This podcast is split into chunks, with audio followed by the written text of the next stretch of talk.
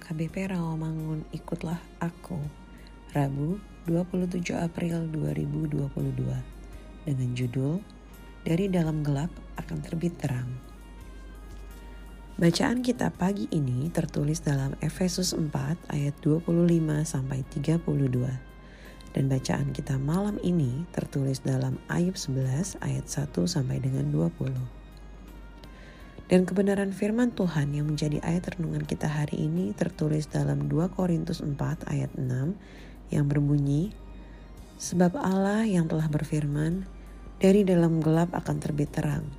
Ia juga yang membuat terangnya bercahaya di dalam hati kita, supaya kita beroleh terang dari pengetahuan tentang kemuliaan Allah yang nampak pada wajah Kristus. Demikian firman Tuhan. Sahabat, ikutlah aku yang dikasihi Tuhan Yesus. Buah bagi orang-orang yang hidup dalam terang adalah keselamatan, karena dalam terang terdapat kebaikan dan kebenaran firman Tuhan.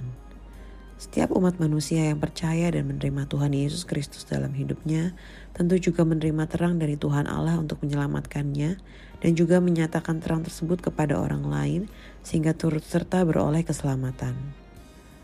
Terang yang telah bersemayam dalam diri orang percaya akan membuat orang percaya tersebut menerima semangat hidup, kekuatan, dan kebahagiaan serta sukacita.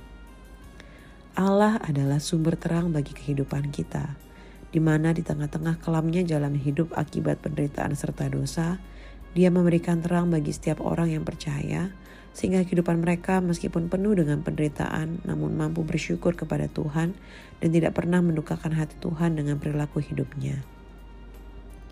Melalui terang Allah yang kita terima dalam kehidupan ini akan senantiasa bekerja menerangi hati dan pikiran kita sehingga membawa perubahan hidup baik bagi kita juga baik bagi orang lain.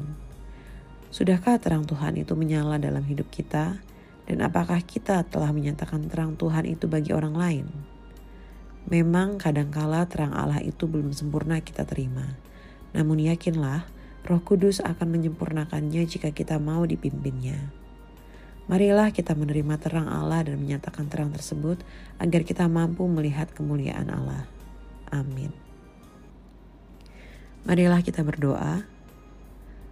Engkaulah Tuhan terang dalam hidup kami yang menunjukkan jalan yang akan kami lalui. Amin.